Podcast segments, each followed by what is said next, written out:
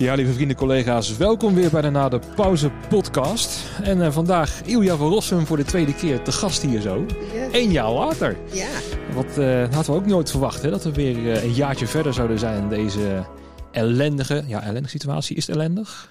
ja ik vind het nog steeds ellendig. Ja. Ja. Zolang je niet helemaal voluit weer kunt gaan met, eh, met publiek en, eh, en volle zalen en volle festivalweides, vind ik het nog wel ellendig. Ja. Ja, ik vind het ook wel redelijk ernstig geworden dat dit aflevering 73 is of zo. Eh, en ik ben, ik ben nu een klokje rond of zo weer gaat het gaan. dat Nou jij ja, weer er langskomt. zit een heel jaar tussen. Ja. En een jaar geleden denk ik dat wij allebei niet hadden gedacht hier weer te zitten met nog steeds eh, corona en, eh, Nee. en alle maatregelen van dien. Nee, vertel mij wat. Nou, maar ik, ik sprak je dus op dat eh, test-event en toen dacht ik, oh ja, het wordt bijna een jaar geleden of zo. Dus Ja. dat wordt er weer een recapitulatie van het laatste jaar wat er allemaal gebeurd is. En ja, leuk dat je weer even langs wil komen. Ja, en eh, ook die eerste aflevering, het is wat zo'n verschil met wat het, wat het nu is, heb ik het idee. Dus ik ben heel benieuwd hoe het ja, dan... we eh, waren de testcase. nou, waren we ook een test-event in feite, Ja. als je het zo bekijkt. ja, wel. ja, je kan een heel introotje voor je klaarstaan en zo, een heel muziekje Ja, en helemaal nee, klaar. het was, maar, eh, Dat is een goed begin. ja, nee, hoe gaat het nu met je? Het gaat goed. Ja? Ja, ja nee, het, het gaat lekker. Ja, ik ben redelijk weer aan de gang bij Tivoli Vredenburg. Dat is heel fijn. Ehm, het is heel veel streams en dat soort dingen. Ja, dus het Die, publiek is er niet echt. Ja, nee. trouwens wel bij die eh, awards, toch? Die Ja, awards. 3 FM Awards. Die heb ik ook gedraaid, dus dat was echt heel fijn. Ja, voelde dat een beetje weer ouderwets, zoals het hoorde? Ja, maar je bent je zo bewust van dat het heel bijzonder is... eh, dat, dat het niet normaal voelt, Nee. zeg maar. Nou, maar je staat er dan wel echt middenin. Dat je er ook wel echt ervan kan genieten, of niet? Nou, ik ben echt heel bewust op een gegeven moment. Ik, ik was natuurlijk achter bezig. En het, het was in de grote zaal waar je niet zo makkelijk even op het podium gaat kijken, natuurlijk. Eh, door eh, de manier waarop die zaal in elkaar zit. Er is niet echt een, een backstage of een zijkant van het podium waar je even kunt gaan staan. Dus ik ben op een gegeven moment tijdens de show echt even bewust naar de front of house in de zaal gelopen. Om daar even echt te kijken naar. En dat was tijdens het optreden van de Vices. Dus ik wist ook dat het daar echt goed los zou gaan. En dat vond ik wel echt het moment dat ik dacht: oké, nu wil ik wel even dit, dit echt bekijken. Echt even in me opnemen. Mhm. Ja. ja, dat heb ik wel gedaan. Ja, precies. Ja, dat, dat hetzelfde heb ik gedaan op dat test-event, waar we trouwens ook met z'n tweeën waren, in eh, Biddinghuizen. Toen er nog wel test-events waren. Ja, hè, en toen. toen. nog wel doorging. Ehm toen ging ik ook expres even bij Vrouwtje, was de allereerste volgens mij. Ja. Nou, en het publiek ging helemaal uit zijn dak, joh. Ja. Weet je wel. En bij de eerste act denk je normaal gesproken, nou, even een biertje halen en van, eh, ja, ik geloof het wel. Maar nu was echt alle 1500 mensen stonden Ja, vooraan. iedereen ging gelijk los. Ik was er de dag ervoor ook. Bij Oh, met het, dance eh, event. Bij het dance, dance event.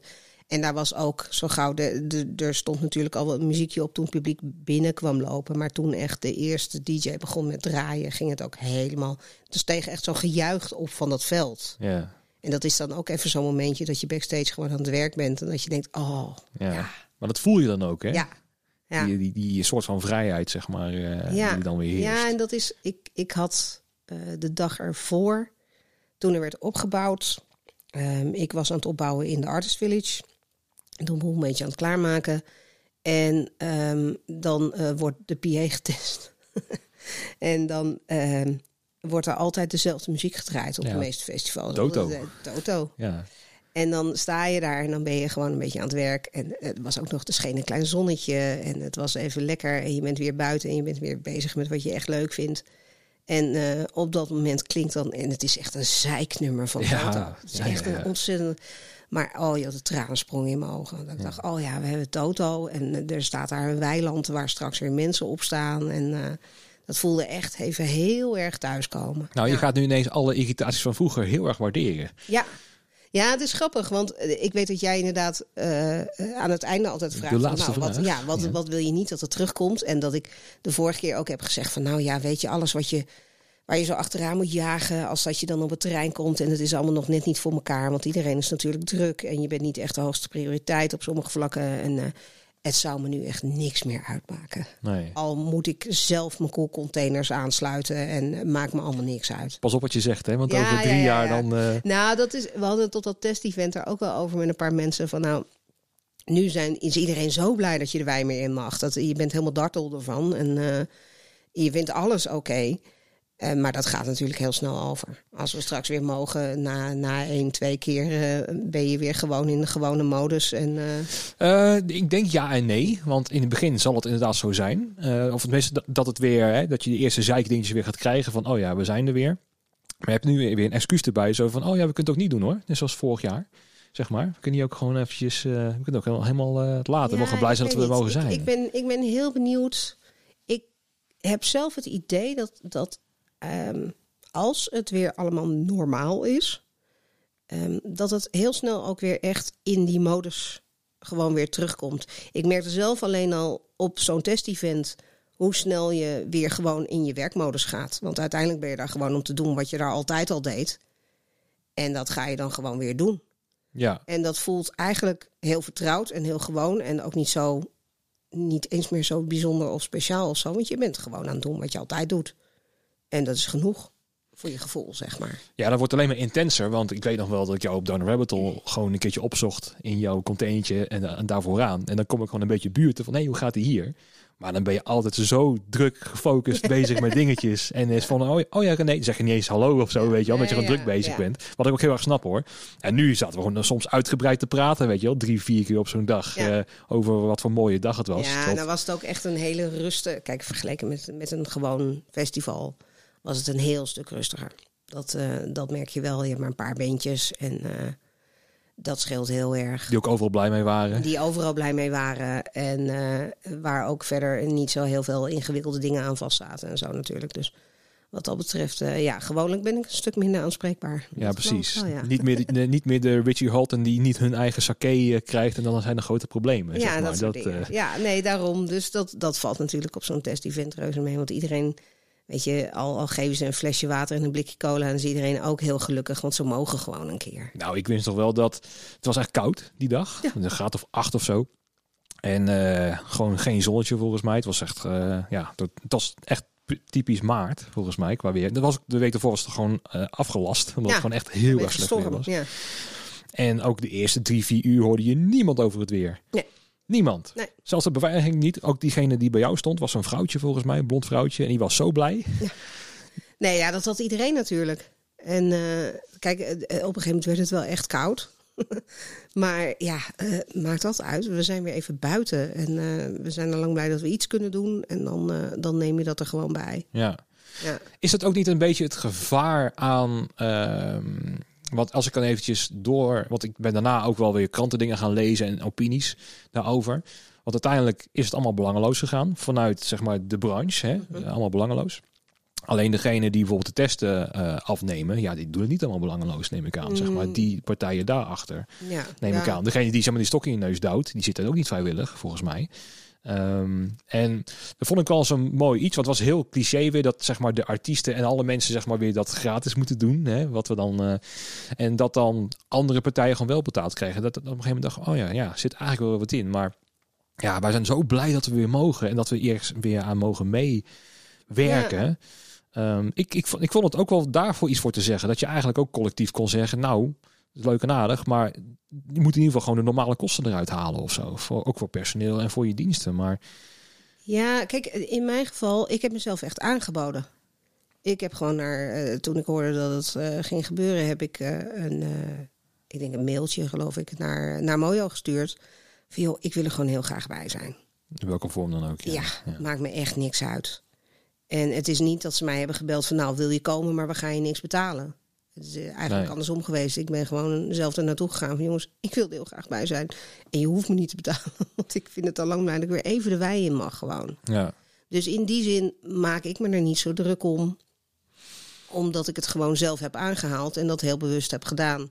Gewoon omdat ik het fijn vond om weer eventjes ja, ook de mensen te kunnen zien. Weet je, je weet dat er een heleboel mensen zullen zijn die, uh, die je al anderhalf jaar of nog langer niet hebt gezien. En die je gewoonlijk gewoon hele zomers achter elkaar tegenkomt. Mhm. En het is gewoon zo fijn om die mensen weer even te zien en even bij te kunnen praten. En, en ook gewoon in onze natuurlijke habitat, zeg maar, bij elkaar te zijn. En dat vond ik eigenlijk de grootste aantrekking. Veel belangrijker dan. Uh... Ja, en dan is het. Uh, ja, ik vind dat de, hele, de hele discussie rondom die, rondom die field labs vind ik wel ingewikkeld. Um, ik heb voor mezelf zoiets als er ook maar iets wat ik daar heb gedaan bijdraagt aan het feit dat, het, dat er sneller weer dingen kunnen gaan gebeuren, vind ik het al goed. En dan hoef ik er ook niets voor te hebben. Maar in mijn geval ook, ik steek er alleen mijn tijd in. Ik heb geen bedrijf waarvoor ik heel veel spullen of weet ik al niet wat uh, moet leveren. Of uh, heel veel overheadkosten of dat soort dingen heb. Ik heb gewoon, ik verhuur mezelf. Ja, je komt gewoon opdagen. Ja, ik neem wat spullen mee. Ik kwam met, met twee strijkplanken en, uh, en wat broodmandjes. Maar die heb je al. Spreken. Ja, ja, die heb ik in mijn voorraad zitten en die neem ik dan mee. Mm -hmm. En dat is het. Um, dus ik kan me ook voorstellen als dat je een heel bedrijf hebt waarbij je mensen die jij dan weer in dienst hebt, die daar dagen aan het werk zijn om te bouwen en weet ik al niet wat. En dat je daar zelf echt ook kosten aan hebt. Ook weer een ander verhaal is. Ja, en die had precies. ik niet. Nee, dat, dat is ook zo. Maar ik vond het principe, principiële erachter ook wel goed voor de discussie.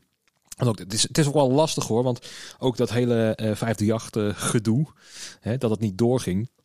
Er zaten ook zoveel elementen in die inderdaad gewoon niet klopten. Hè, dus 400 ja. meter van een ziekenhuis vandaan. Um, ook weer net even te vroeg. Ook weer 10.000 man. Maakte dan 7,5, 8 van. Dat het ook niet meteen 10.000. Dat zo mooi ja. klinkt ook. Hè, ja, zo, zo groot. In die zin ook dat die stap te groot was. Van, uh, van een proefevenement naar, uh, naar vijf, van 1500 mensen naar ineens 10.000. Nou, maar er zaten heel veel dingen tussen nog, hè? Want je had in de arena had je die Nederland-Letland wedstrijd, zaten er 5000. Ja, maar op de een of andere manier is dat heel anders voor mensen, want dat zien ze compleet over het hoofd. Nou, en dus voor hun gevoel is het, ik denk dat dat voor hun gevoel, voor het gevoel van een deel van het volk, zeggen we dan maar even, um, is blijkbaar die stap heel groot. Want de ene keer mogen ze een festival in de polder doen voor 1500 mensen en dan ineens gaan ze er 10.000 bij elkaar gooien. En in een binnenstad en op een plek waar de horeca niks mag. En ja, ik denk dat, dat het te snel is geweest en uh, qua locatie gewoon net even ongelukkig. Ook qua datum ongelukkig. Ja, ja in, in alle opzichten denk ik. Ik denk dat als je er wat langer mee had gewacht, dat dat al heel erg had gescheeld. Als je het bij wijze van spreken nu of wat later in mei of zoiets had gedaan, had dat al minder, weet ik het, opge... Uh, hoe zeg je dat? Onrust gegeven. Ja, ik denk ook wel als het niet 538 was die ook zware promo ervoor maakt. En dat het ergens gewoon letterlijk in Biddinghuizen is. En het wordt intern bij Mojo, het gaat een mailtje de deur uit van nou, er zijn tickets en zo. Dat ook niet zo heel erg. Nee, dat was ook wel anders geweest, kraait, denk ik. Denk ik. Ja. Maar Goed. het is ook heel ja. dubbel, want ja, wij willen inderdaad heel graag dat die testevenementen er komen om zeg maar elk stapje weer vooruit te gaan. Ja. Maar ik merk ook wel dat, kijk, wij zitten midden in uh, de evenementenbranche. Hè. Wij, ja. wij, hè, wij, hebben, uh, uh, wij hebben heel veel plezier ervan. wij, ja, het is ons werk. Alles hangt daar mee, mee, samen. Maar ook voor het overgrote deel van Nederland, weet je wel, is het gewoon geen, geen punt aan de orde. Nee, weet je wel, dat is al belangrijk. Nee, helemaal niet. Nee. Weet je wel, dat, er zijn heel veel mensen die gaan nooit naar een theater, gaan nooit uit of zo. En dan moeten ineens hun een feestje gaan vieren terwijl de ziekenhuizen vol liggen. Nou, dat vind ik wel heel erg ongepast. Terwijl alle randvoorwaarden, hè, de wetenschap is erbij, alles wordt relatief goed uitgekaderd, uh, is mijn idee. Maar alsnog, de, de, druk vanaf de maatschappij is dan zo van, ja hallo, er valt helemaal niks te vieren in het leven eventjes. Ja, ik denk dat het in die zin ook, dat, dat, dat het volgens mij ook een beetje um, hoe zeg je dat? dat? Dat het uitleggen wat er nou precies wordt gedaan met zo'n met zo'n field lab, dat dat heel veel invloed heeft. Het hele verhaal dat het uh, echt gedragsonderzoek is. Dus om te kijken hoe het publiek zich gedraagt, of ze zich aan regels houden, in hoeverre dat die afstand er nou wel of niet is en hoeveel invloed dat heeft. En dat het helemaal niet gaat om hoeveel mensen er na zo'n event besmet zijn. Dat is niet duidelijk voor mensen. De, de, hoe vaak ik de laatste tijd ben aangesproken. Um, ik, ik, werk momenteel dan tijdelijk in, uh, in een wat andere werkomgeving, we maar zeggen. En echt in een omgeving waar mensen dus inderdaad helemaal niet zo bezig zijn met muziek of festivals, of tenminste het grootste gedeelte niet. Um, en dan komt het gesprek daarop en die hebben dan ook zoiets van: ja, maar ja, dan, dan zetten ze zoveel mensen bij elkaar. En nou, hoeveel zijn er dan wel niet besmet geraakt? Denk ik, ja, uh, om te beginnen was iedereen van tevoren negatief getest. En het, het, het, hele onderzoek gaat nou juist niet om dat hele besmettingsgebeuren. Zo, het is gedragsonderzoek. Dat moet je dan vijf keer uitleggen. En eigenlijk ja. snappen ze dan nog niet helemaal wat daar dan het belang van is. En waarom je dat in godsnaam zou doen. En waarom je het risico zou nemen. En dat blijft echt een heel ingewikkeld ding voor mensen om, om uit te leggen. En om, om te begrijpen ook gewoon. Ja, zeker als er dan nog de, de pilot-evenementen ook nog tussendoor komen. Ja, dat waar- onderscheid kunnen ze al helemaal niet maken. Waar dan 1 Nee. miljard naar heen gaat. Dan wordt ook ineens dat door elkaar gehaald. Van Ja. die field labs, die kosten gewoon een miljard. Dan kan je Ja. beter in vaccinatie steken. Ja, krijg je een hele andere discussie. Maar, want dat field lab is natuurlijk een traject van al, nou ja, bijna een jaar volgens mij nu. Ja, ja, Want het was al in, in juni vorig jaar al helemaal in kannen en kruiken. Hoeft alleen maar eventjes te gebeuren en dan kon het uitgerold worden. En die pilots, daar werd iedereen door verrast in feite. Ja. Hè, dat je ineens naar de Paradiso kan eh, getest, anderhalf meter afstand en kijken of de teststraten goed werken. Waar dan 1, nou ja, ongeveer 1,1 miljard schijnt naartoe te gaan. En daar heb ik ook weer een podcast over gehoord van degene die daarachter zit. Tenminste, de lead healthcare, de, de Mhm. man. En dan hoor je ook een wat genuanceerder beeld, Ja. zeg maar. In plaats van, van hier heb je een, een sloot met geld en zoek het uit. En eh, het is ook veel subtieler dan dat. Hetzelfde met die testevenementen. Het is juist heel erg eh, goed bedacht. eh, over het algemeen. Hè? Er zijn ook heel veel wetenschappers die zeggen: ja, we kunnen niet goed weet je, onderzoeken of dat onderzoek al goed gebeurt. Ja. Weet je wel, daar was ook een kritiek op. Nou ja, je hebt natuurlijk ergens. Ehm, eh, mensen moeten zich er echt in verdiepen om te begrijpen wat het idee erachter is en, en waar het hele idee vandaan komt.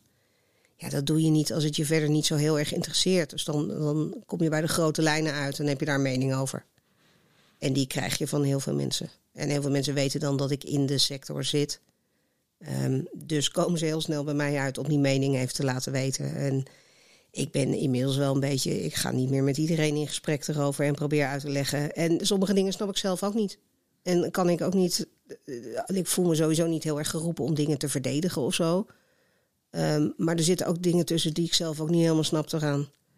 En dat is ook weer vanuit mijn mening en vanuit mijn eigen ervaring. En eh, ik bedoel, ik ben. eh, ik heb op die, eh, een paar van die pilots gewerkt bij Tivoli Vredenburg. En eh, mijn eerste gedachte was, ja, wat heeft dit voor nut? Want dit is wat wij al deden bij Tivoli Vredenburg met Walk the Line. Ja. We zetten een eh, aantal mensen in de zaal en die zitten eh, op anderhalve meter uit elkaar. En als ze lopen moet een mondkapje op en vervolgens komt er een showtje en dan gaan ze weer weg. Het verschil was volgens mij nu dat de bar open was erbij. Ehm, Ja. en dat, voor mijn gevoel was dat het wel qua verschil. Dus ik dacht, ja, dit hebben wij al gedaan. Dus ik, ik vind het leuk, vond het leuk om te doen. Sowieso, ik ben voor alles wat er gebeurt. Ehm, maar ik moest wel echt even nadenken van... nou, ik weet niet zo goed wat hier de meerwaarde van is... tot je realiseert dat wij Walk the Line hebben gedaan... maar dat een heleboel zalen natuurlijk niets in die trend hebben gedaan... of kunnen doen, of het was de doen. moeite niet... of het Nee. was het financieel niet waard, of wat dan ook. En voor die zalen is het echt een testcase... En dat is dan weer een ander verhaal. Ja. Dus wat dat betreft is het ook. Blijf ik het goed vinden dat dat soort dingen gebeuren. En als ik af en toe zelf het nut niet snap. of niet helemaal begrijp waarom het zus of zo gaat. Ja, daar ben ik ook niet voor. Laten we wel Nee. wezen. Ik ben geen expert en ik zit daar helemaal niet in. Nee. En dat vind ik eigenlijk wel zo rustig voor mezelf. Nou ja, kijk, inderdaad, je kan het heel erg. eh, eh, als je heel erg gaat verdiepen, dan komen er alleen maar nog meer vragen over hoe dingen gaan. Dus daar word je ook een beetje gek van. Had ik het hele begin van eh, de hele coronasituatie heel erg last van. Want ik probeerde te snappen wat er überhaupt gaande was in de wereld. En dat ik daar ook gewoon een, ja, een, eh, heel ander perspectief op het leven überhaupt al, zeg maar. Eh, dus dan, dan, nou ja, daar kwam je ook helemaal niet uit. Ehm, in dit geval, met die eh, pilot-evenementen, ga ik dan toch een beetje korter op in. Want ik snap hem wel op zich, want ehm, dit wordt een tijdelijke fase. Ja, dat zeggen ze. Ik heb ook wel een hele discussie of het tijdelijk is of dat soort dingen. Nou, ik ga ervan uit dat het tijdelijk is. Maar ehm, het is voor mij gewoon de keuze geweest. Oké, of we laten het gewoon op slot zitten. Want het, hè, de, de besmettingen zijn te hoog of zo. Maar de druk uit de samenleving wordt ook te groot. Want ja, anders gaan er heel veel illegale feesten gebeuren. We moeten het een klein beetje ruimte geven.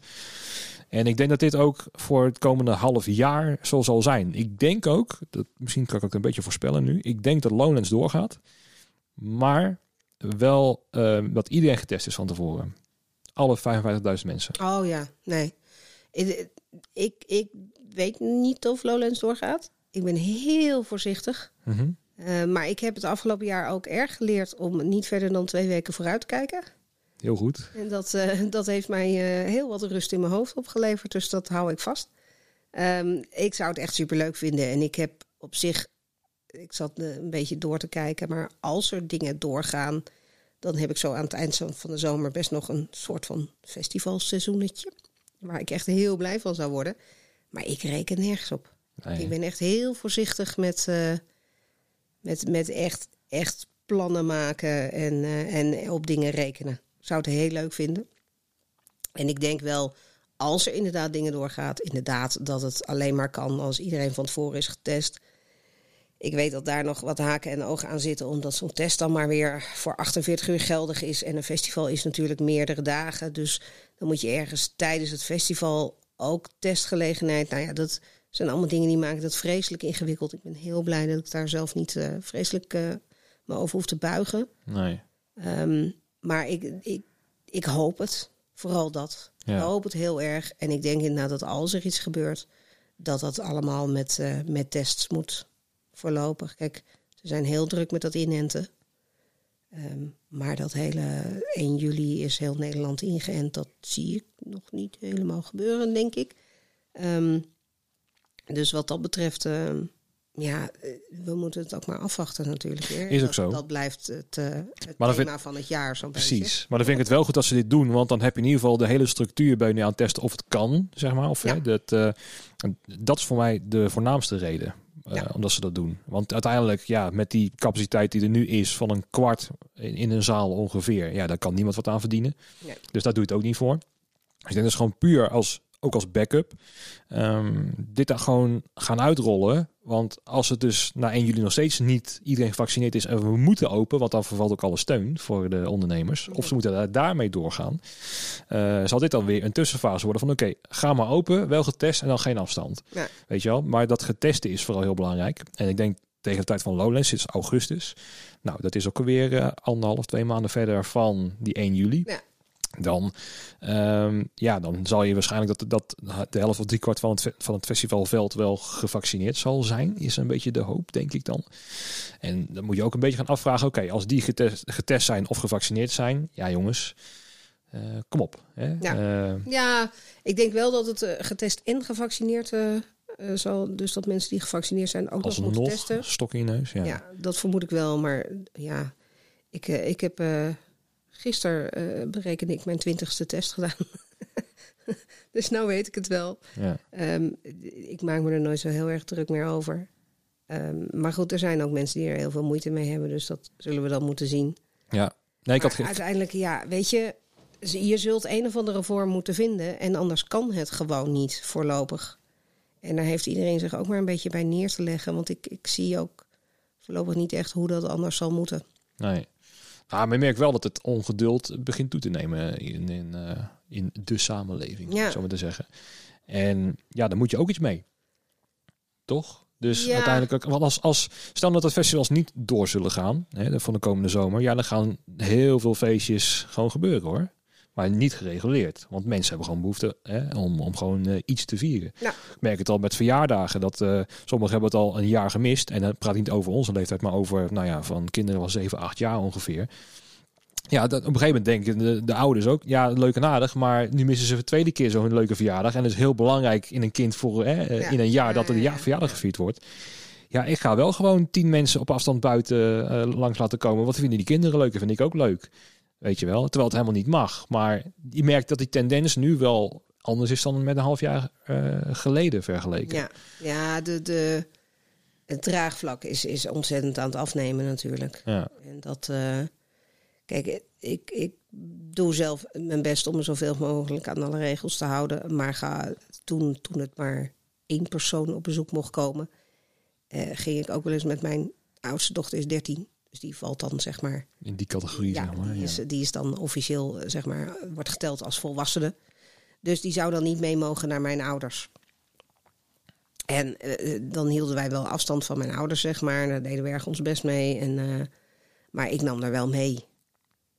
En dat, ja, nou ja, ik, vind het, ik blijf het lastig vinden hoor. Iedereen probeert volgens mij wel redelijk zich zoveel mogelijk eraan te houden. Het wordt wel steeds minder en steeds losser. Dat merk je aan alle kanten. Um, en ik vind het af en toe wel lastig om, om mensen die dan... Uh, ja, nu ben ik het zat. Ja, iedereen is het zat. We zijn het allemaal heel erg zat. Ja. Uh, maar dat maakt voor zo'n virus natuurlijk geen zak uit. Je kunt nog zo hard roepen dat je het zat bent... maar dat heeft verder geen enkele invloed op alle besmettingen... en ziekenhuisopnames en cijfers. En ik heb inmiddels in mijn omgeving uh, wat mensen gehad... die, die wat minder geluk hebben gehad... Dus ik ben in die zin, neem ik het nog wel serieus. En natuurlijk ben ik het zat. We zijn het allemaal zat. En, ik bedoel, uh, ik heb uh, een kind op de middelbare school die uh, een hele tijd thuis is geweest en nu om de dag daarheen mag. Die is dat ook heel erg zat. Ja. Ja, Ja, en ook als je dat elkaar blijft vertellen, ja dat werkt ook niet mee, zeg maar. nee, ja, weet je, het- het- het- ik word af en toe een beetje moe van hoor al die mensen zeggen, ja, ik ben het zat. Ja, tuurlijk. Ja, Dat is ook zo. ja. ja, dat zal ik niet zo heel snel meer zeggen, denk ik. En ik denk ook wel, ik mo- moet je even kijken of, dat, of jij het ook eh, dat zo ziet, of je het mee eens bent. Maar omdat wij er al zo lang in zitten vanuit de evenementenbranche, of vanaf dag één in feite, ehm, dat wij waren een half jaar geleden misschien al helemaal klaar mee, zeg maar. En dat begint nu, zeg maar, voor de rest ook een beetje te komen. Terwijl wij over die periode al zijn gestapt van, nou ja, pff, ja, wat moet ik ermee? Weet je wel, je hebt al zo geaccepteerd dat de situatie zo is, Ja. dat het Nou, dat- ja. Dat denk ik wel. In die zin dat voor een heleboel mensen ehm, na de eerste lockdown het eigenlijk redelijk gewoon weer verder ging. Weet je, ze mochten een poosje niet naar kantoor en toen mochten we wel, nou ja, min of meer. Ja, thuiswerken, En, maar eh, konden ja. wel redelijk door met... ja, eh, maar verder gaat hun leven gewoon eigenlijk gewoon door zoals het was.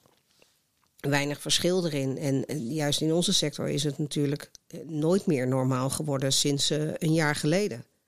Er is geen, geen moment ertussen geweest dat ik het echt normaal vond. En dan heb ik nog wel enigszins kunnen werken bij Tivoli Vredenburg. Eh, en wat, eh, nou ja, zo'n testevenement kunnen doen en nog wat dingetjes. Dus zelfs dat voelt niet normaal. Ik, ik werk regelmatig nu, nou ja, er wordt heel veel gestreamd en opgenomen en dat soort dingen. Dus ik ben aan het werk als stage manager. Ehm, maar ik had laatst ehm, een opname waarbij we voor het Bevrijdingsfestival Utrecht, eh, daar heb je altijd van tevoren een soort bandjeswedstrijd en de winnaar daarvan die opent het festival. Dat hadden ze nu online gedaan. Dus we hadden in de ronde vijf bandjes achter elkaar die zich mochten presenteren. En dan werd daar de winnaar uitgekozen. En die zou dan vervolgens afgelopen woensdag online het festival openen. Ehm, daar werden we helemaal huppelig van. Want we hadden vijf bandjes achter elkaar op het podium. Dus we hadden changeovers. Wel een beetje stress. Nou, niet eens, maar gewoon het hele idee van: oh, oh het, het, het, het, zijn bandjes met live muziek en verschillende bandjes. Dus je hoort verschillende muziek. Want ik heb bijvoorbeeld eh, rondom Transition heel veel jazzstreams gedaan. Nou, dat, ja, dat is niet helemaal mijn genre, zeggen we dan voorzichtig. Dus op een gegeven moment komt de jazz je oren uit. Eh, maar dit was gewoon op één dag meerdere bandjes, verschillende soorten muziek door elkaar met changeovers die echt niets voorstelden natuurlijk. Maar voor je gevoel ben je echt weer even soort van. en Ik was iets met, met de Rolling Risers aan het bedenken. Nou, dat, die heb ik echt al, eh, al een jaar niet meer van dichtbij bekeken, zeg maar. Nee. Dus alleen al voor dat gevoel. En dan nog is dat nog lang niet zoals het normaal is. Dus wat dat betreft merk je wel dat. In, en de meeste mensen in deze sector hebben het al een jaar niet meer normaal. En ook niet in de buurt van normaal. Nee. Financieel niet en, eh, en, en qua werk niet. En, eh, en daardoor ook je omgeving gewoon niet. De mensen die je, die je zo vaak niet ziet en eh, die je echt mist. En, Want ben je het ook een beetje gewend geraakt om mensen niet meer te zien, niet meer te spreken, dat je ook op een ja, laag stationair niveau eh, draait, dat het ook dat je dat, want we zijn natuurlijk heel veel gewend om met elkaar te communiceren backstage, hoe gaan we dingen oplossen en ja, je ziet heel veel mensen en elke dag zie je iemand anders ja, en dat is nou ja zo zwaar naar beneden gegaan natuurlijk, ja. want ook al die stagehands bijvoorbeeld, Ik, Ja, de hele ploeg. Ik, heb het een klein beetje. eh, ik, eh, ik heb het afgelopen jaar in de kinderopvang gewerkt. Ehm, ik heb heel, heel lang geleden een opleiding daarvoor gedaan. Daar had ik nog een diploma voor liggen. En ehm, toen ik bedacht van nou, het gaat voorlopig echt niet meer gebeuren. Ik moet echt wat anders gaan doen, want er moet brood op de plank komen. Eh, en hier heb ik nog een diploma van. En eh, in die wereld zitten ze nog steeds te springen om mensen met diploma's. Dus dat was heel fijn. Dus ik heb een, eh, een organisatie bij mij in omgeving gebeld. En die hadden een hele berg vacatures, dus dat was op zich makkelijk. Ehm, en ik heb toen heel bewust gekozen voor de invalpool. Eh het is een organisatie met eh, meer dan 60 vestigingen in mijn omgeving. En eh, je krijgt per dag eigenlijk dat je beschikbaar bent, krijg je door waar je die dag heen gaat. En ik dacht, eh, dat is fijn, want dan heb ik een beetje dat gevoel. Weet je? je komt elke keer ergens anders binnenlopen en dan werk je meer met andere mensen. En dan drie weken later kom je weer op die locatie en dan zie je die mensen weer terug en dan kun je weer een beetje. eh, ik, ik denk achteraf, ik heb er niet zo heel bewust bij nagedacht, maar ik zocht een beetje de, de afwisseling en de afleiding die ik vanuit mijn werk gewend was. Diezelfde structuur, klein beetje. Ja, en ik weet van mezelf, een van de redenen waarom ik ooit gestopt ben met die kinderopvang, is dat de structuren daar heel erg vast liggen. Eh, kinderen hebben eh, rust, reinheid, regelmaat, dat, eh, dat hele riedeltje. Eh, maar juist bij zo'n opvang is het natuurlijk, als je twintig kinderen van eh, vier tot zes jaar voor je neus hebt, dan is het heel belangrijk dat die weten van, nou, nu gaan we handen wassen en dan gaan we fruit eten. Na het fruit eten gaan we buiten spelen. En weet je, er zit zo'n hele vaste structuur in en ik ben daar niet zo goed in ik hou van de afwisseling en, eh, en elke keer wat anders. Dus ik dacht, nou, met zo'n, met zo'n invalpool heb ik dat dan wat meer.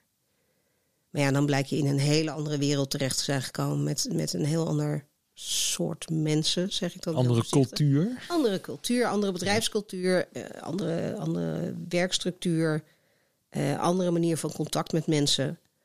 Ehm, dus de- waar ik misschien een beetje het idee had dat ik, eh, dat ik het soort van contact, losse contact wat ik met mensen in deze sector had, voort kon zetten, dat, dat zat er niet in. Nee. Maar dan is het ook wel vrij uniek waar we dan in zitten. Hè? Want dat, eh, dat merk ik dus ook. Ehm, wat jij zegt, als je in een andere bedrijfstak gaat zitten, waar denk ik ook heel veel mensen nu iets anders zijn gaan zoeken. Hè? Ehm, dat je toch.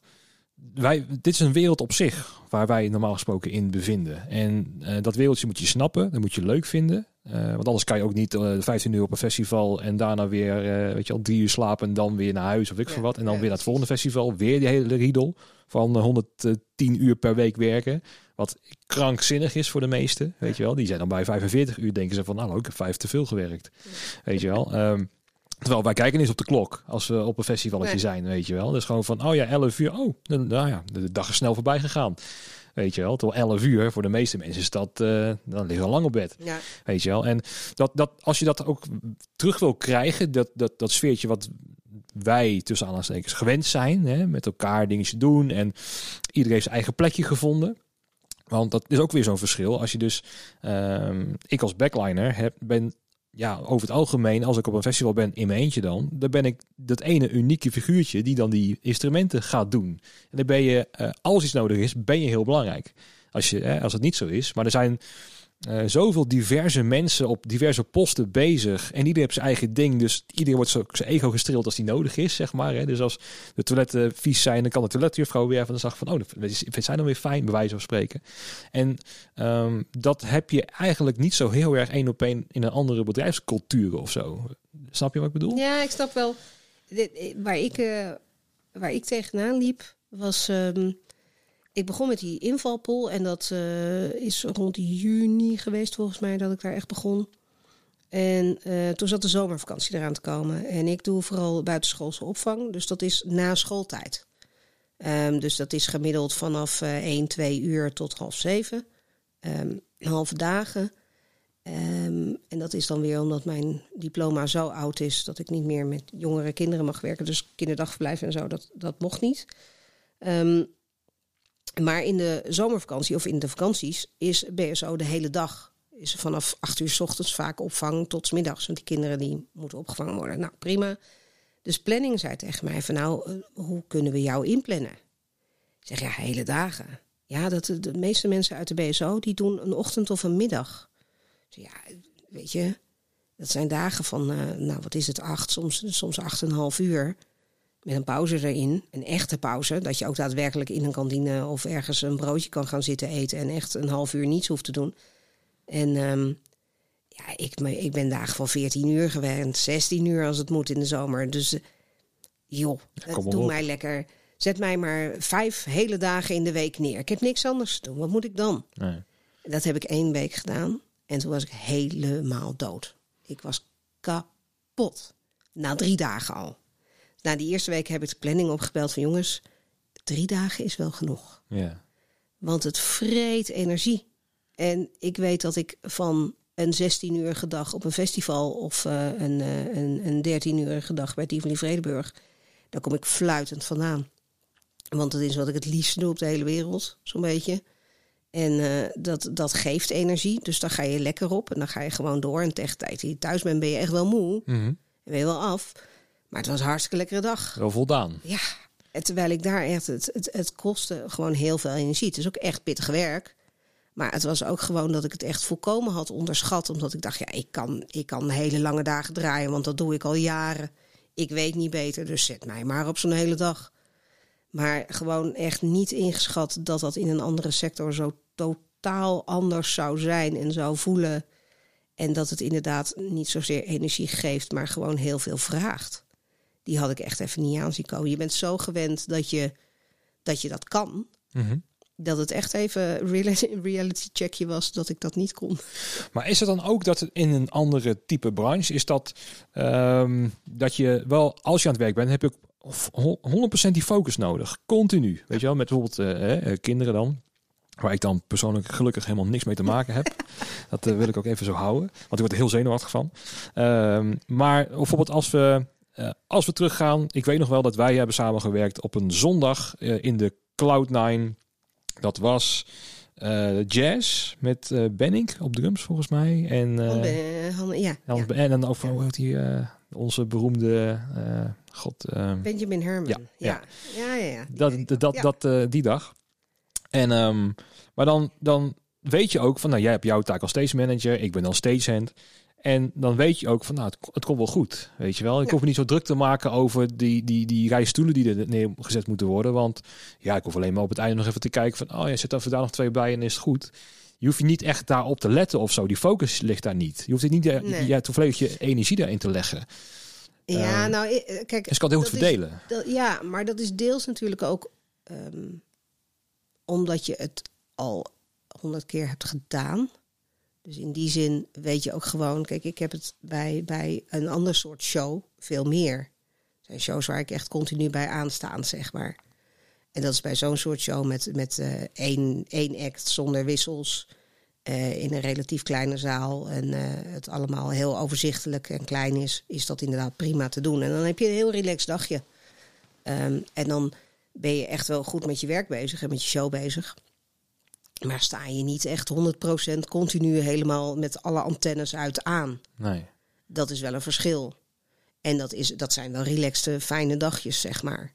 Als ik die alleen maar zou doen, zou ik het denk ik ook weer heel snel heel, saai, gaan vinden. Ja.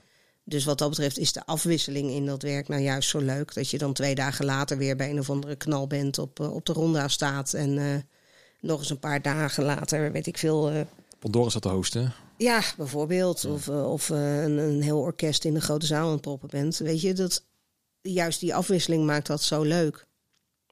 En dan heb je inderdaad van die hele relaxe dagen ertussen. Maar ook van die dagen dat je daar 14 uur met alle antennes uit en volkomen aan hebt rondgelopen. Ja. En nou ja, wat jij net ook al zei, ik sta op de meeste festivals sta ik heel erg aan. Heel erg aan. Mhm. Ehm, en dat merk ik aan het einde van het festivalseizoen altijd. Dat, eh, dat op een gegeven moment ben ik echt op het punt dat ik geen rijplaat meer kan zien, zeg maar. Dat het ook echt tijd wordt om weer binnen te gaan spelen. Weer gewoon in een zaal rond te gaan lopen. Ehm, en voor mij is dat ook precies de perfecte afwisseling. Ook een balans. Ja, dat, eh, ik weet dat ik. eh, ehm, ik ben ooit. was ik steeds manager bij Doe Maar. In de Ronda. En eh, Martin Kramer was hun productiemanager. Mhm. En Martin eh, werd vroeger bij Mojo en eh, doet nu onder andere Paaspop. Dus die had mij bij Paaspop nog gezien. Heeft mij zo tijdens de zomer nog wel af en toe kwamen elkaar tegen. Ehm, en ik kwam binnen en die zei, wat doe jij? Ik zei, ja, ik ben hier stage manager. Zei die, vind je dat leuk? Ik zei, joh Martin, moet je luisteren. Ik heb net een hele zomer, want dat was ergens in oktober.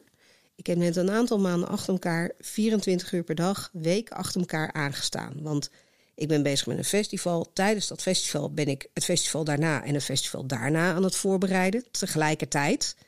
Plus waar ik op dat moment ben in goede banen aan het leiden. En eh, de facturen en de afwikkeling van het festival daarvoor nog aan het doen. Want het gaat achter elkaar door. Dus je bent continu met meerdere bordjes tegelijk aan het hoog houden. Je staat de hele tijd aan. Je hebt ook nog eens een ploeg van mensen om je heen waar je voor moet zorgen. En die moeten het ook fijn hebben. En dan moet je ook regelen dat het allemaal goed gaat. Dus je bent met heel veel dingen tegelijk bezig. Dat duurt een paar maanden. Op een gegeven moment ben je daar echt, staat je hoofd echt heel erg vol. En is het echt, ben je blij dat het een beetje aan het aflopen is. En dat het seizoen weer voorbij is. En dan ga ik hier En bij Tivoli Vredenburg lees ik een dag van tevoren eventjes de showinformatie door. En eventueel een rider kijk ik even voor. En verder kom ik op die dag binnen en ik draai mijn show. En tijdens die show ben ik wel heel erg druk en uh, moet er hoop gebeuren, weet ik al niet wat. Maar op het moment dat ik jullie spullen weer in de trailer heb geduwd, Is klaar. stap ik in mijn auto en dan ga ik naar huis. Ja. En is mijn hoofd helemaal leeg. En morgenochtend sta ik op en dan breng ik mijn kinderen naar school. En dan ga ik thuis een beetje rommelen en dan hoef ik helemaal niks. Nee. En over drie dagen heb ik weer zo'n show. En dan lees ik me weer in. Dan, eh, eh. En tegen de tijd dat ik denk, nou, dit begint ook een beetje saai te worden. Dan zet ik mijn hoofd weer aan, want dan begint het festivalseizoen weer. En dan ga ik weer door. En die combinatie is ideaal voor mij. Ja, dat is heerlijk. En toen had hij zoiets van, oh ja, nou, dat klinkt eigenlijk wel relaxed. Ja. Ik dacht, ja, Ja, want dat, dat, vraag ik me, ook echt. dat vraag ik me ook af bij heel veel tourmanagers. Als je alleen maar aan een tourmanager bent, gaat op een gegeven moment dan ook de, de, de sleur erin zitten, lijkt mij dan. Maar ja, Ja, dat weet ik niet. Dat weet- ben, weet ik ben ook dus niet, nooit maar- tourmanager geweest. Nee. En dat eh of is ook weer zo'n maar goed ook. ja, precies. Het kan ook weer zo'n type vak zijn als het je helemaal ligt. Dan is het gewoon jouw ding, Ja, zeg maar. En dan, dan is het gewoon allemaal goed. Nee, ja, dat is het natuurlijk. Want uiteindelijk heb je elke dag weer een, een uitdaging en een kickje met zo'n show die moet gebeuren. En uiteindelijk is dat toch elke keer even een heel klein beetje spanning van tevoren. Van nou, dan gaan we weer. En je moet, zeker als tourmanager, je moet altijd maar zien waar je komt en wat er goed gaat en wat niet goed gaat. Want dat is overal weer anders. Ehm, en vervolgens heb je aan het einde van die show die kick van nou, het is goed gegaan. We hebben een lekker dagje gehad. Het is weer achter de rug. Hè? En dan ga je weer door naar de volgende. En dat, dat is een soort herhalend patroon Ja. die je volgens mij echt moet liggen. Zeker, ja. ja. Nou, en als we het over, weer over Tivoli hebben. ehm, ik heb het nu al wat vaker gezegd ook. Maar de rol als stagehand die ik daar heb, of had, want ik doe het nou niet meer. Maar ja, die is zo heerlijk. Want nou ja, zeker nu ik deze toko hier heb overgenomen. Ben alleen maar bezig met al die radartjes, weet je wel. Met eh, nou ja, eh, marketing, inkoop, eh, ook festivals inplannen. eh we komen die dingen tekort. Oh, gaan we dat oplossen? En weet je wel, ehm, nu heb ik bijvoorbeeld ook weer een, een, een toertje een, binnen. Eh, tenminste, een aanvraag voor een toertje van eh Enrique Iglesias. Mm. En of het doorgaat, weet ik niet. Maar als het doorgaat, heb ik voor mij eh, vier keer een, een Takamine akoestische gitaar western nodig. En vier keer een akoestische nylon. En we hebben er nu twee. Dus we Ah, moeten ja. nog zes regelen. dus dat geeft nou ja, best wel eh, wat eh, hoofdpijn, uitdagingen en zo. En als je voor elkaar gaat kijken is prima. Maar als je bij Tivoli loopt en dan loop ik dan, of liep ik als stagehand, dan is je hele hoofd leeg. Want er wordt voor jou bepaald wat je moet doen. Dat is heel lekker. Dus als jij dan stage manager bent en dan zit er een beetje te ouwe hoeren en de band komt binnen. Oh nee, kan je even karretje pakken, even naar een expeditie, even het bandje even uitladen. Oké. Ja. Nou, dan loop ik Nou naar beneden, een beetje inladen, een beetje ouwe hoeren. En dat is voor mij heel erg vrij, zeg maar. Want ik hoef niet na te denken, want je hebt sowieso al vertrouwen dat je het goed kan doen. Dus je gaat gewoon een beetje inladen, nou, een beetje praatje maken met die en die en die. Nou, op- het karretje naar boven. Oh ja, pasje, heb je pasje voor je kleedkamer en zo. Voor mij is dat heel erg, die balans daarin weer heel erg rustgevend. Want dan, dan hoef ik niet meer te bepalen hoe het moet. Want als, ook al ik die stoel verkeerd neer. Ja, jij hebt gezegd dat die daar moest staan. Het is allemaal ik- Ja, maar ik vind het heerlijk. Dan heb je gewoon geen nee, verantwoordelijkheid. dat- ik heb ooit, ehm, ik heb een aantal festivals eh, gedaan en doe ik nog steeds waar ik backstage manager ben. Dus dan ga je over het hele backstage gedeelte. Ehm, zijn er wat kleinere festivals en daar heb je eh, vaak vrijwilligers. En dat eh, gaat de ene keer lekkerder dan de andere. Dat wisselt heel erg. Ja, dat wisselt heel erg. Maar goed, eh, ik heb er een aantal en ik heb ooit op een festival, daar was ik dan backstage manager en daar kwam iemand en die had een wond bij de bouw opgelopen en die had ik verbonden. En die kwam een dag later, nou, de verband vies, dus dan heb ik hem nog een keer verbonden. En uiteindelijk eh, hebben we drie dagen, vier dagen achter elkaar, kwam die, elke ochtend kwam die bij mij langs. Dan deed ik weer een mooi schoon verbandje erom en dan kon hij weer de hele dag doorwerken. En ehm, bij de vierde dag, er was een vrijwilliger die daar ook de hele tijd rondliep. En ehm, bij de vierde dag was ik weer bezig en toen zei hij, nou, dat ziet er goed uit, dat wondje. Die is mooi aan het helen en eh, dat verbind je netjes en eh, fijn, ziet er goed uit. Ik zeg, joh, heb je er verstand van? Ja, ik ben chirurg. Oh. Dus ik keek hem echt aan en toen moest hij een beetje lachen. En toen zei hij, ja, ja vraag je natuurlijk af, wat doet die man hier? Ik zei, nou, ik weet wat jij hier doet. Jij sjouwt voor mij met bierbankjes. Want dat was wat hij aan het doen was. Dat is jouw taak, ja. Ik zei, maar ja, ik weet niet, waarom? Waarom doe je dat als vrijwilliger? Hij zegt, ik neem hier eh, tien dagen in het jaar eh, vrij voor. Ik neem hier eh, vakantiedagen voor op om dit te kunnen doen. Ik zeg, joh, waarom? Echt, het is heerlijk, want ik bepaal altijd wat er moet gebeuren. Iedereen kijkt altijd naar mij. En nu heb ik tien dagen gewoon, ik ben gezellig, ik ben buiten in het zonnetje in mijn korte broek bezig. En er bepaalt iemand anders. En af en toe, ik krijg lekker te eten en eh, wat te drinken met gezellige mensen om me heen. En ik hoef niets te denken en niets te regelen en niets te bepalen. Ik moet gewoon doen wat me wordt verteld. En dat vind ik zo ontspannend. Ja. En toen dacht ik, ja, dat begrijp ik heel goed. Dat is, ik zou er zelf nooit zo opkomen, maar ik snapte heel goed toen hij het uitlegde van, dat hij Ja. daar was. En ook Dat daar, dat, grappig. dat die balans eigenlijk ook wel heel belangrijk is. Ja, Hè, bij, bij en sommige... dat, dat blijkbaar iedereen dat op zijn eigen manier toch zoekt. Nou, als je het in de gaten hebt. Want sommigen hebben het niet in de gaten. En die werken zich helemaal eh, over de kop. En die krijgen Ja, een burn-out. Ja. Nou ja, die heb ik ook gehad. Dus wat dat betreft is dat, eh, ben ik me er ook bewuster van, denk ik. Ja. Dat scheelt ook wel, ja. Nou, en tenminste, daar ben ik heel erg achter gekomen het afgelopen jaar. Is dat die balans is belangrijker dan ooit. Want we zaten dus in een trein die naar 160 km per uur ging. En die kwam gewoon letterlijk ineens stil te staan. Ja. En je, maar in je hoofd is nog steeds, ja maar hallo, we zijn nog, hè, Moet verder. we- Ja. ik moet iets doen. En eh, ook in de, toen ik jou voor het eerst sprak in die eerste podcast, toen was ik ook van, oh ja, we gaan iets nieuws doen. Hè? Dus we gaan hier een hele, hele wand zetten met, met versterkers. We gaan zien wat we hebben. Weet je al, heel erg marketing-minded denken en eh, bezig zijn met allemaal van die randzaken die je normaal gesproken ook doet. Hè? Want dan moet je je laten weten, oké, nou, mijn brood moet wel mooi op kistje staan. En, en nou, weet je wel. Dus allemaal heel erg serieus nemen en zo. En nu is die, die, die relativering ook wel heel erg ingeslagen. Van, ja, wat maakt het ook allemaal uit, joh. Weet je ook, er staat er wel of geen poot op die kist. Weet je, als het maar gewoon werkt op de bühne. Ik geloof het allemaal wel. En ik ben wel vijf jaar ouder geworden, lijkt wel hoor. In een jaar nee, maar tijd. ik denk ook dat je hebt gemerkt dat het heel erg gaat om de mensen. Ja, 100 procent. Eigenlijk om iedereen weer te zien en even te spreken en te horen hoe het gaat en zo. Kijk, ik luister veel naar jouw podcast, maar dat is ook omdat ik echt benieuwd ben naar, weet je, ik denk dat ik 90% van de mensen die jij in de podcast hebt ook ken. Dus je bent ook gewoon benieuwd, hoe gaat het met die? Hoe, wat zijn ze nu aan het doen? Eh, hoe denken ze er zelf over? Hoe staan ze erin? Ehm, en uiteindelijk is, is dat wel het belangrijkste in het hele verhaal. Eh, en uiteindelijk ook wat ik het meeste mis. Ik mis het werk ook.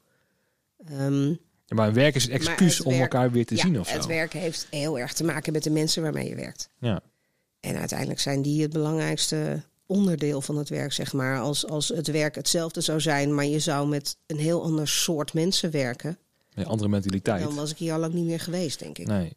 Nou ja, zoals ik het eerder had gezegd, het is een cultuur binnen de cultuursector of zo. Hè? Als Ja. zijn de, de mensen die daar backstage werken. En dan heb je ook weer heel erg een verschil tussen de mensen die op een dance-event werken, dan vergeleken met een, een rock'n'roll festival of met een jazzfestival. Of met, want je doet ook Wonderfield bijvoorbeeld. Ja. is ook weer een heel ander type.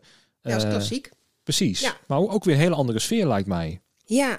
ja, het leuke van Wonderfeel is wel dat het, eh, ehm, dat het min of meer de opzet van een popfestival heeft. Ehm, dus je hebt, eh, je hebt hetzelfde als op een ander festival. Je hebt een aantal podia verspreid over een, in dit geval, schitterend natuurterrein, landgoed. Ehm, met, eh, met optredens en eh, publiek en foodtrucks. En, dus, ja, rambam. als, je, als je verder niet zo goed kijkt en luistert naar wat er op de podia gebeurt, ziet het eruit als elk ander festival. Misschien dat het publiek ietsje ouder is. Zeg maar. Dat, dat heb je wel. Er is een wat, wat oudere generatie die daarheen komt. Maar ook heel veel jongeren en kinderen en van alles door elkaar. Ehm, en de muzikanten krijgen ook echt te horen van... joh, dit is eh, een festival. Je hoeft niet in je lange zwarte jurk en je smoking en je pak en weet ik al niet wat. Je mag gewoon in je spijkerbroek of je korte broek of een zomerjurk. Waar je gewoon fijn in voelt. Ja, want het is buiten en het is zomer en het is lekker. En het houdt dus ook in dat eh, de vogels door je muziek heen fluiten. Wat eh, bij klassiek nog wel echt een ding kan zijn, zeg maar. Heel, af en toe vliegt er een vliegtuig over en hoor je niet wat er wordt gespeeld op het podium. Ja, dat kan. Heel veel wordt niet uitgesterkt en zo. Dus dat, dat maakt het ook nog wat gevoeliger.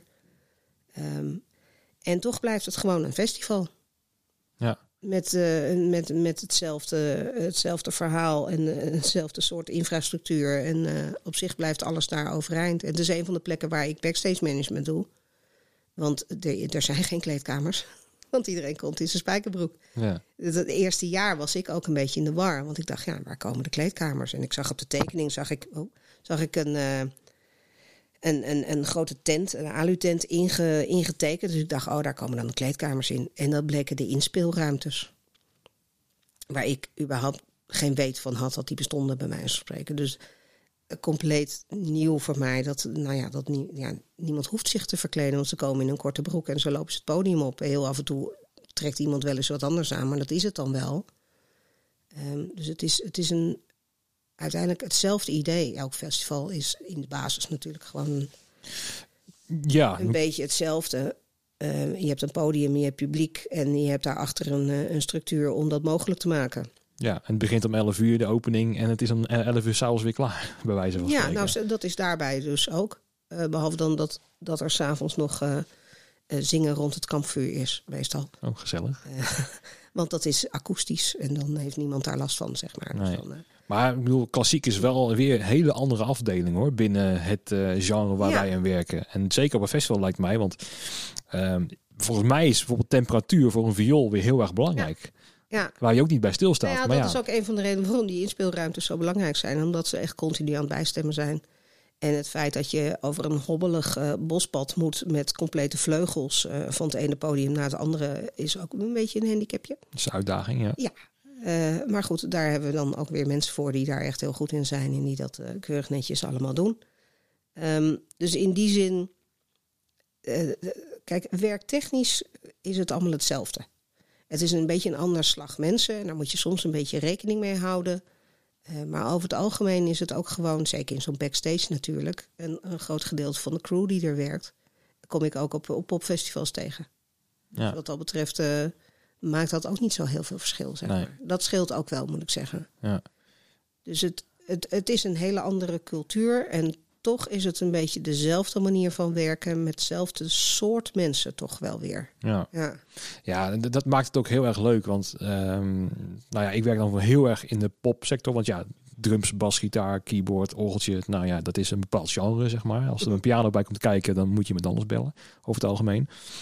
Maar dat vind ik het leuke aan het vak. Is dat je elk festival, elke week heb je weer ja, ander, ander, ook weer andere festivalcultuur. Ja. Ik moet heel erg ook denken bijvoorbeeld aan, dat heette vroeger Retro Pop, wat nu Hello Festival is.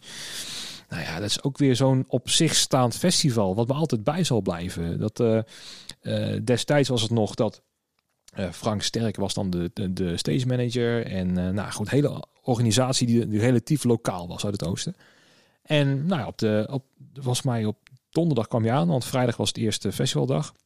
En donderdagavond wordt er gewoon gebarbecued backstage. Punt. is gewoon standaard. Terwijl op geen enkel festival wordt er de dag van tevoren met de hele ploeg van hè, eh, eh, mensen van de Power Shop en zo. Nee, eh, allemaal gratis ook. Allemaal gewoon kratten bieren en zo. Van nee, pak maar, gezellig. En gewoon, ja, gewoon dat, dat maakt dat festival zo leuk, weet je wel. Ja, en precies. kwam er een hele nieuwe ploeg binnen. Want eh, een jaren daarna was het er weer anders. Want eh, er moest weer iets worden veranderd of zo. Dus nou kwamen hele andere mensen.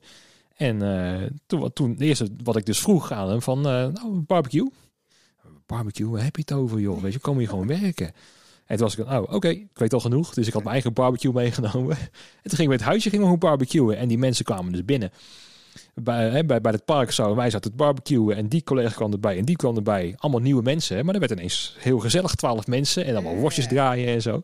En die zaten te kijken van, wat, is dit hier, joh? We moeten, morgen aan het werk, hè? Van, ja, ja, maar is toch gezellig zo? Barbecue. Weet je wel. En het jaar daarna willen ze het ook zelf weer gaan invoeren. Dus die hele cultuur die er was ontstaan om die barbecue heen, wat op geen enkel festival normaal gesproken zo is, is daar wel. En dat is ook weer zo'n dingetje waar je naar kan uitkijken op een, op een, op een jaar of zo, naar die Ja. ene barbecue. En dan de week daarna ga je weer naar het volgende festival. Ga je naar Bospop, ik zeg maar wat. En dan heb je weer dat, dat cultuurtje of zo. Dan slaap je weer in de Golden Tulip in Weert. Weet je langs het station daar zo. En dan kom je weer Jules tegen in de ochtend bij het ontbijt en zo. Nou, dat soort, dat soort grappen. En, en dat maakt het ook heel erg leuk. Dus het, ja, het is hetzelfde soort van. Maar elke week is het weer anders. En ja, dat, dat is voor mij vooral het gemis. Want nu ook, nu is alles standaard geworden. Dus ik kom hier op het werk. Nou, doe ik mijn e-mailtjes. Nou, weer niks. Nou, heel simpel in feite. Eh, maar dan heb je hele structuur eh, weer zoals die is. En daar ben ik nu gewend geraakt. Maar ik weet wel, als we weer een beetje open mogen. Ik bedoel, ook waar we bij waren, het test-event. Ik vond het heerlijk op, op die zondag, zeg maar. Met mijn bakwagentje, met de reizenkarretjes erin en zo. Eh, om daar naartoe te gaan. En gewoon mijn dingetje weer te doen. En ik merkte ook meteen weer het verschil. Want ik had bijvoorbeeld de week daarvoor had ik Erik van Essen in de, in de podcast. Die ook daar aanwezig Ja. was als NST's manager. En ik zat nog te denken om daar ook de podcast op te gaan nemen misschien. Met allemaal mensen. Oh gezellig, kom jij even tien minuten even praten en zo. No fucking way. Je bent gewoon weer aan het werk. Ja, En daar zit je focus er zijn gewoon weer. ja. Dus dan heb je helemaal geen tijd en helemaal... Ik had er zelf ook helemaal geen zin in. Nee. Dus ik had het- die peli had ik bij me, maar ik dacht ook zo van, pff, ja, waarom zou ik dat doen in godesnaam die onzin? Terwijl ik het nu vind ik weer hartstikke leuk, maar ik denk wel dat dit weer zal, misschien zal dit wel verdwijnen als we weer helemaal open gaan. Wat misschien jammer zal zijn. Nou ja, de Maar- vraag is überhaupt of je nog tijd voor hebt tegen die tijd. Laat, Dat is echt waar ga ik de gasten vandaan die Ja. druk zijn? Ja, Want dan zijn we weer op Ja, tour. nee, niemand heeft tijd dan. Nee, Hoop dus- je. nee, dat zal het heel erg sporadisch worden dan. Ook al zou ik het wel leuk vinden, stel dat bijvoorbeeld nu Lowlands door zou gaan, dat ik hem wel meeneem. En eh, dan alsnog misschien een Engelse tourmanager of zo, weet je wel. Gewoon even 10 minuten van kom even zitten, hoe, hoe was het voor jou, weet je wel. Dat je Ja. een soort van, Ja. dat je een uurtje maakt met zes verschillende gasten of zo, weet je wel. Op zo'n, eh, op zo'n, maar ik weet niet of, of mensen daar zin in hebben, of dat mag überhaupt, zeg maar. maar ja, dat eh, is ook. nee, Kijk, ik denk dat het in die zin voor iedereen gaat gelden. Dat de eerste paar keer weer even, even volle kracht vooruit is. En iedereen met zijn hoofd helemaal op. oeh, hoe was dit ook alweer? ja. Ik merk het op, op dit test-event wel. Dat je echt de eerste half uur of zo loop je echt een beetje van. Hoe deden we dit ook alweer?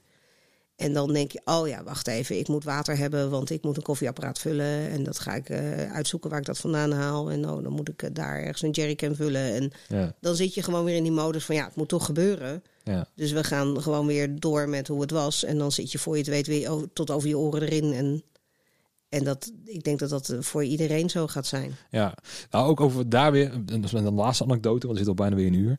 Ehm, is dat eh, er was voor mij één DJ die zou op het hoofdpodium gaan spelen. Dat was voor mij Donny uit mijn hoofd, maar die kwam dus uiteindelijk niet. Oh ja, ja, Want die was, eh, was ziek volgens mij. ziek. En nou, in ieder geval DJ set. En ik had in de voorbereiding eh, vroeg ik ook aan Backbone, deed dan de technische productie van, eh, nou, eh DJ setje kunnen we regelen, maar ik kan ook iets op backup meenemen, maar zeg maar wat je ermee wil. Nou, niks gehoord. En op een gegeven moment eh, komt hij van Backbone naar me toe. Ik was net, uitgeladen. Je had toch een DJ setje bij je? Zo van, nee, ik had het voorgesteld in een mail. Die kan ik misschien als back, backup meenemen, maar ik heb niks gehoord, dus dat heb ik niet bij me. Oh, oh ja, ja, DJ set, ja, oké. Eh, eh, dus nou, John Cameron eh, er ook bij. En eh, nou, je weet het al, oh, paniek, want er is geen DJ set. Dus ik zoeken. Nou, Jan Chris kwam er op een gegeven moment bij. En op een gegeven moment liep dan Tasja van, van Amco daar zo van... Oh, die hebben wij bij ons hoor, gewoon. Zo. Maar meteen ook weer eh, die, die stress, zeg maar, om, om een DJ-setje. En dat het, dat het niet is aangevraagd weer, of dat het weer mis is gegaan in de communicatie. Dat hele cliché, wat ik ook al duizend keer hiervoor heb meegemaakt, die gebeurde daar ook weer. En dat vond ik op een of andere manier toch weer prettig of zo. Ja, Dat het toch weer een beetje Nou ja, stress dat was. is het ook. Het voelt gewoon heel vertrouwd. Dat je weer op zoek moet naar het water voor je koffiezetapparaat. Wat eigenlijk altijd wel een dingetje is. Want er wordt niet zomaar een waterleidingje ergens neergelegd. Alleen maar voor een koffieapparaatje. Ja. Eh, en, en een beetje de, de basisdingen. Dat je gewoon weer op zoek moet. En het net alsof altijd eh, weer Ja. gewoon draait. En dat voelt ook zo lekker thuiskomen. Geeft ook, ook weer vertrouwen. Dat het eigenlijk weer Ja. zal, zal zijn zoals het ooit Het was. kan of weer zo. zo worden, zeg maar. Dat, Ja. dat gevoel, dat heb je dan wel heel erg. Dat Als de mensen het- ook weer het blijven. fijne van daarbij zijn. Precies. Ja. Dat, eh, Want dat zei ook in, de, in, in, die, in die podcast, dat kan ik nog wel herinneren, is dat je zei, nou, ik hoop dat mensen wel blijven Ja. in, dit, in dit vak. ja. En ehm, zie je daar ook wel verschil in? Dat mensen er wel zijn gebleven? Of dat mensen toch een beetje zijn Nou afgegaan? ja, je begint langzaam maar zeker echt wel het te horen te krijgen over mensen die toch echt wel serieuze andere banen nu hebben. Ehm, en ik, het hangt van de mensen af natuurlijk. Ik denk dat, dat eh, er heel veel nooit 100% weg zullen zijn. Als in, ik weet dat er bij Tivoli Vredeburg wel mensen zijn die echt wel even iets, iets totaal anders aan het doen zijn. Ehm, maar wel aangeven van, nou ja, weet je, als je me één, twee keer in de maand kunt gebruiken, dan ben ik er wel hoor. Weet je, ik kan een keer vrijdag opnemen of als het in het weekend is, want ik heb tegenwoordig een 9 to 5 eh, door de weeksbaan. Nou, dan, eh, dan kom ik wel. Ja. En dat, dat is eigenlijk wel wat ik het meest hoop. Dat, dat je toch min of meer iedereen wel weer terug zult zien. En ik, je gaat er niet aan ontkomen dat er gewoon mensen zijn die echt iets totaal anders zijn gaan doen. En daar helemaal gelukkig en tevreden mee zijn. En dat is van harte gegund. Zeker. Maar ik hoop stiekem dat het er zo weinig mogelijk zijn. Nee, dat hoop ik ook. Ik, denk ook wel dat als het weer volle bak open zal zijn, of het nou over drie of over zes of negen, ma- negen maanden is, dat even terzijde. Maar als het weer open is en al je collega's zijn weer alle leuke dingen op Instagram aan, aan het posten, wat ze allemaal doen zijn. Hè, lekker jaloersmakend weer. Dat die kribbels toch weer soort van terug gaan komen. En als je dan weer gevraagd wordt voor een toertje van eigenlijk kwam echt iemand tekort en ja, kan je? Dat ze misschien toch geneigd te zijn van ja, het kriebelt toch wel heel erg eigenlijk. Ik vind het toch wel leuk. Nou ja, de, ik, ik ben heel benieuwd. Ik kan me echt voorstellen dat er mensen zijn die, die er nu achter zijn gekomen van goh, het is toch ook wel leuk om uh, gewoon af en toe thuis te zijn en uh, Oh, die zijn er zeker, ja. Uh, weet je, ik kan me ook voorstellen... Kijk, mijn kinderen zijn wat ouder nu, dat scheelt ook wel. Maar als je nog jonge kinderen hebt, dan is het ook echt heel leuk... om daar regelmatig echt bij te kunnen zijn... en, uh, en, en erbij aan tafel te kunnen schuiven s'avonds. In plaats van uh, via de telefoon te vragen hoe het toetje was... wat ik heel veel heb gedaan toen ze nog klein waren. Mm -hmm. um, ik weet het gewoon niet zo. Ik, ik denk dat het gros echt wel weer terugkomt. Het zij helemaal, het zij part-time op een of andere manier... En er zullen altijd mensen zijn die denken: ja, dag, wat ik nu aan het doen ben, bevalt me gewoon veel beter. En het is veel uh, gezonder voor me met uh, minder lange dagen en betere betaling. Ja, dat kan ik Ja. me ook heel goed voorstellen. Ja, precies. Ja, maar we gaan het meemaken. Ik ben Ja, echt heel benieuwd. Ja, nou ja, zoals bij alles, we wachten het af. Precies. Ja, we zitten echt al over het uur heen. Dus Oh ja. ja, ik ga je toch ook die clichévraag weer, eh, weer stellen. en je hebt natuurlijk al lang bedacht wat je erop gaat zeggen. Misschien dat je... eh, maar ik ga hem gewoon stellen. Ja, wat, wat, wat ga jij... eh, wat mag wat jij betreft ook weer wegblijven van de evenementenbranche... samen met corona en alle maatregelen die erbij horen? Nou ja, wat ik daar straks al zei, eh, op dit moment eh, helemaal niets. Omdat ik gewoon al lang blij ben dat het dan weer kan. Ehm, ik denk wel dat er zo langzamerhand echt wel wat meer beweging komt in het hele eh, groene aspect van festivals. Net als dat initiatief wat er nu is van allerlei boekingskantoors en zo om eh, groener te toeren. Ehm, en ik hoop dat dat zich doorzet. Mhm. Uh, dat daar meer mogelijkheden voor komen. En um, ik merk het zelf op festivals dat, dat je af en toe krijg je bands die dat hoog in het vaandel hebben staan. Die willen dan gescheiden afvalbakken in de kleedkamer. En die zet ik heel netjes neer. Maar ik weet natuurlijk dat dat uh, daarna uit die kleedkamer weer één container in gaat. Omdat er op het festivalterrein helemaal geen mogelijkheid is om het gescheiden af te voeren. Nee. Uh, en dat heeft ook weer te maken met uh, allerlei instanties en gemeentes en organisaties daaromheen.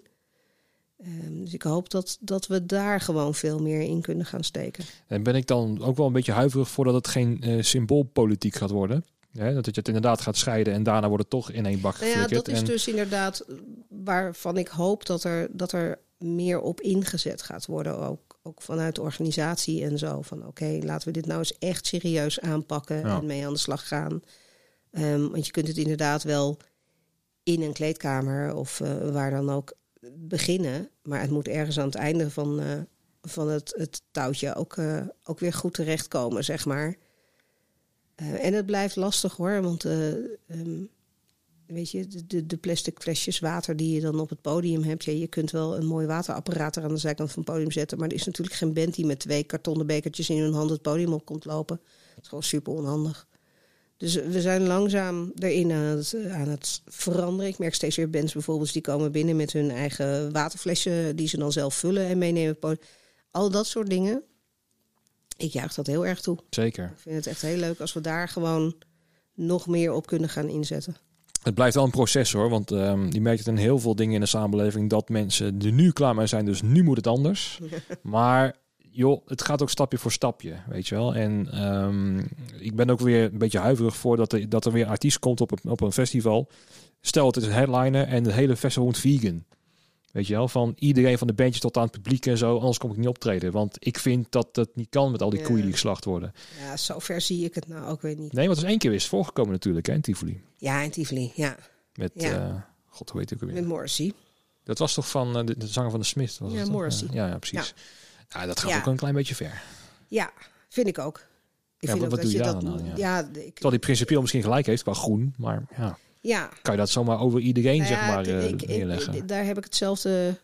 Uh, op dat gebied heb ik wel een beetje hetzelfde als met een heleboel andere uh, zaken waar mensen in geloven, bijvoorbeeld. Dat is allemaal leuk, maar dan moet je anderen niet mee lastigvallen. Dat heb ik heel erg. Ja. En op het moment dat je vanuit een organisatie dingen gewoon zo kunt inrichten dat het uh, beter voor het milieu en groener en, uh, en minder plastic en zo is, dan, eh, dan vind ik dat belangrijk en dan vind ik dat heel goed om te doen. Ja. Ehm, maar het hoeft niet opgelegd te worden. Als er voor eh, je zo'n organisatie hebt en er komt een bandje en die zegt om een of andere vage reden vinden wij het superbelangrijk dat we alleen maar plastic flesjes op het podium hebben. Joh, dan krijg jij toch plastic flesjes. Dat is ook zo. Dat, dat, dat is dan wel een beetje mijn insteek. Ja. Weet je, op het moment dat wij het zo goed mogelijk willen doen en jullie hebben daar een keer geen zin in, of eh, nou ja, een of ander echt lekker verhaal waarom dat zo zou moeten zijn, prima. Doen Ja. we dat, Precies. denk ik dan. Ja. Moet ook wel de, de naam voor zijn. Als je een beginnende Ja. ben, je begin meteen met die lijsten zo Ja. van hier wordt niet opgetreden. Nou, dat treedt u lekker niet op. Ja, dat ik, is eh, ik, ik hoor het Muddy al meteen zeggen. Hoe laat kunnen we, kunnen we nu al meteen inpakken? ja.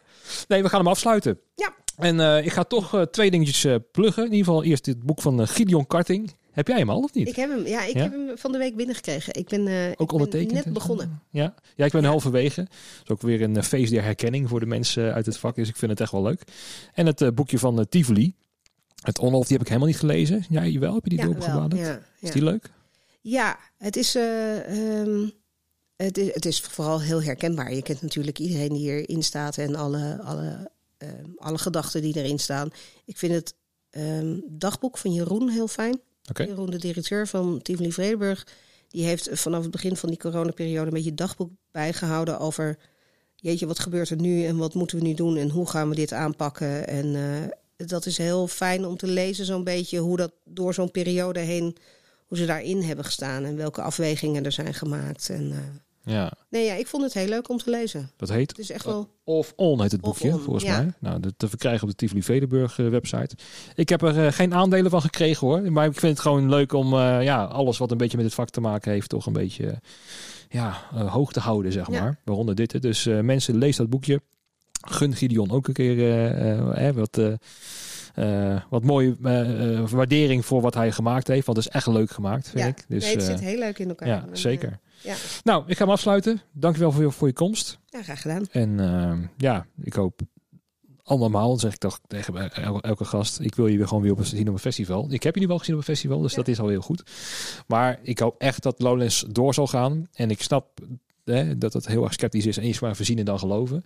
Maar dat bandje wat ik op mijn pols heb, hè, dat Lowlands bandje 2020...